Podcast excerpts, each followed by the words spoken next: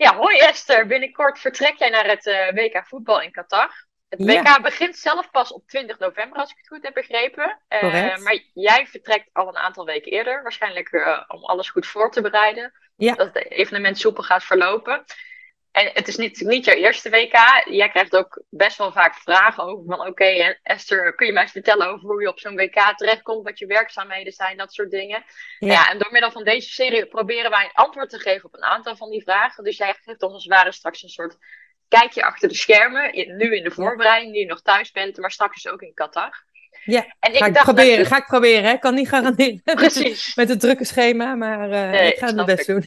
nee, snap ik. En ik dacht, nou ja, laat ik hem dan als eerste aftrappen. Want hoe kom je eigenlijk op zo'n WK voetbal terecht? Word je dan gevraagd door de FIFA? Moet je zelf solliciteren? Hoe werkt zo'n proces? Ja, in deze rol is het eigenlijk zo dat je um, wel gevraagd moet worden. Of uh, je, je, in ieder geval, je kan er niet voor solliciteren.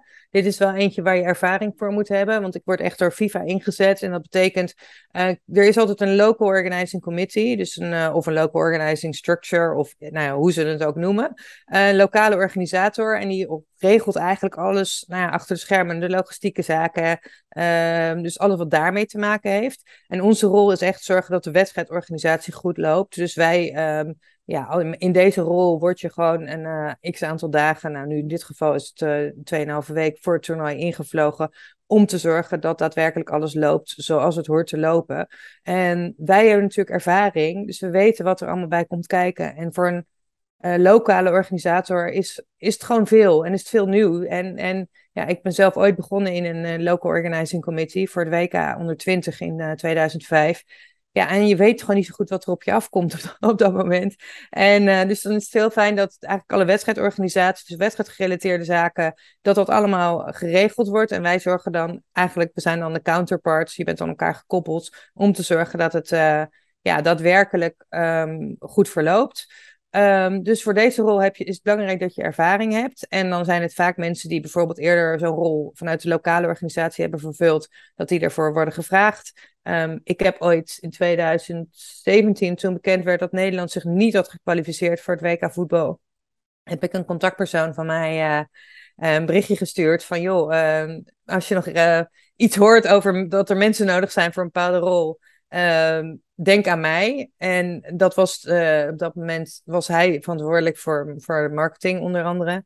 En, en toen kreeg ik uh, even later een berichtje, nou, ik kan je waarschijnlijk wel in mijn team gebruiken. En toen dacht ik, oh, nou, ik had eigenlijk niet zo heel veel, ik, ik heb heel veel verschillende rollen vervuld, uh, maar niet specifiek marketing. Ook omdat we de, de jeugdtoernooien bijvoorbeeld, heb je niet echt een heel specifiek marketing uh, team. Maar ik was wel zijdelings daarbij betrokken geweest. Dus toen ben ik eigenlijk op deze plek terechtgekomen. En op het moment dat je helemaal in die ja, database zit, dan, uh, dan word je wat vaker gevraagd. Maar het is altijd heel handig om wel je vinger op te steken.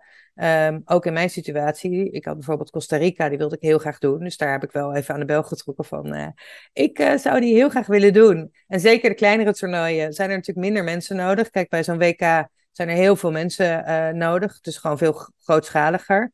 Uh, dus dan is de kans wel wat groter dat je erbij betrokken bent. Aan de andere kant is het wel bij een, een groot WK, om het zo maar te zeggen, is het wel handig dat je specifieke ervaring hebt.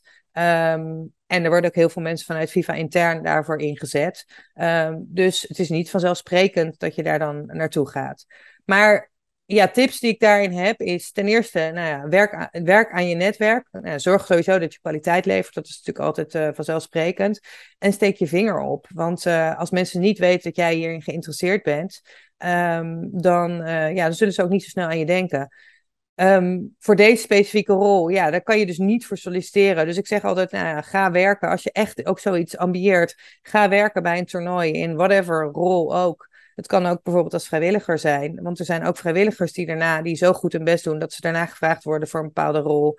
Um, omdat ze gezien worden. Um, uiteindelijk gaat het erom ja, dat je die ervaring opdoet. En vanuit daar, ja, ook is het natuurlijk ook handig dat je aan je netwerk werkt en dat zij weten dat jij, ehm, dat jij beschikbaar bent en dat jij dit heel graag wil doen. Ja, precies. Ik hoop dat dat de vraag beantwoordt. Dat, beantwoordt zeker de vraag. Nee, ja, mocht, mochten mensen thuis nou nog vragen hebben, laat het dan vooral ook eventjes weten. Dat kan in, in de reacties hier onder de YouTube-video of via de social media van Kick-Ass. En dan hopelijk kan echt ze de volgende keer beantwoorden.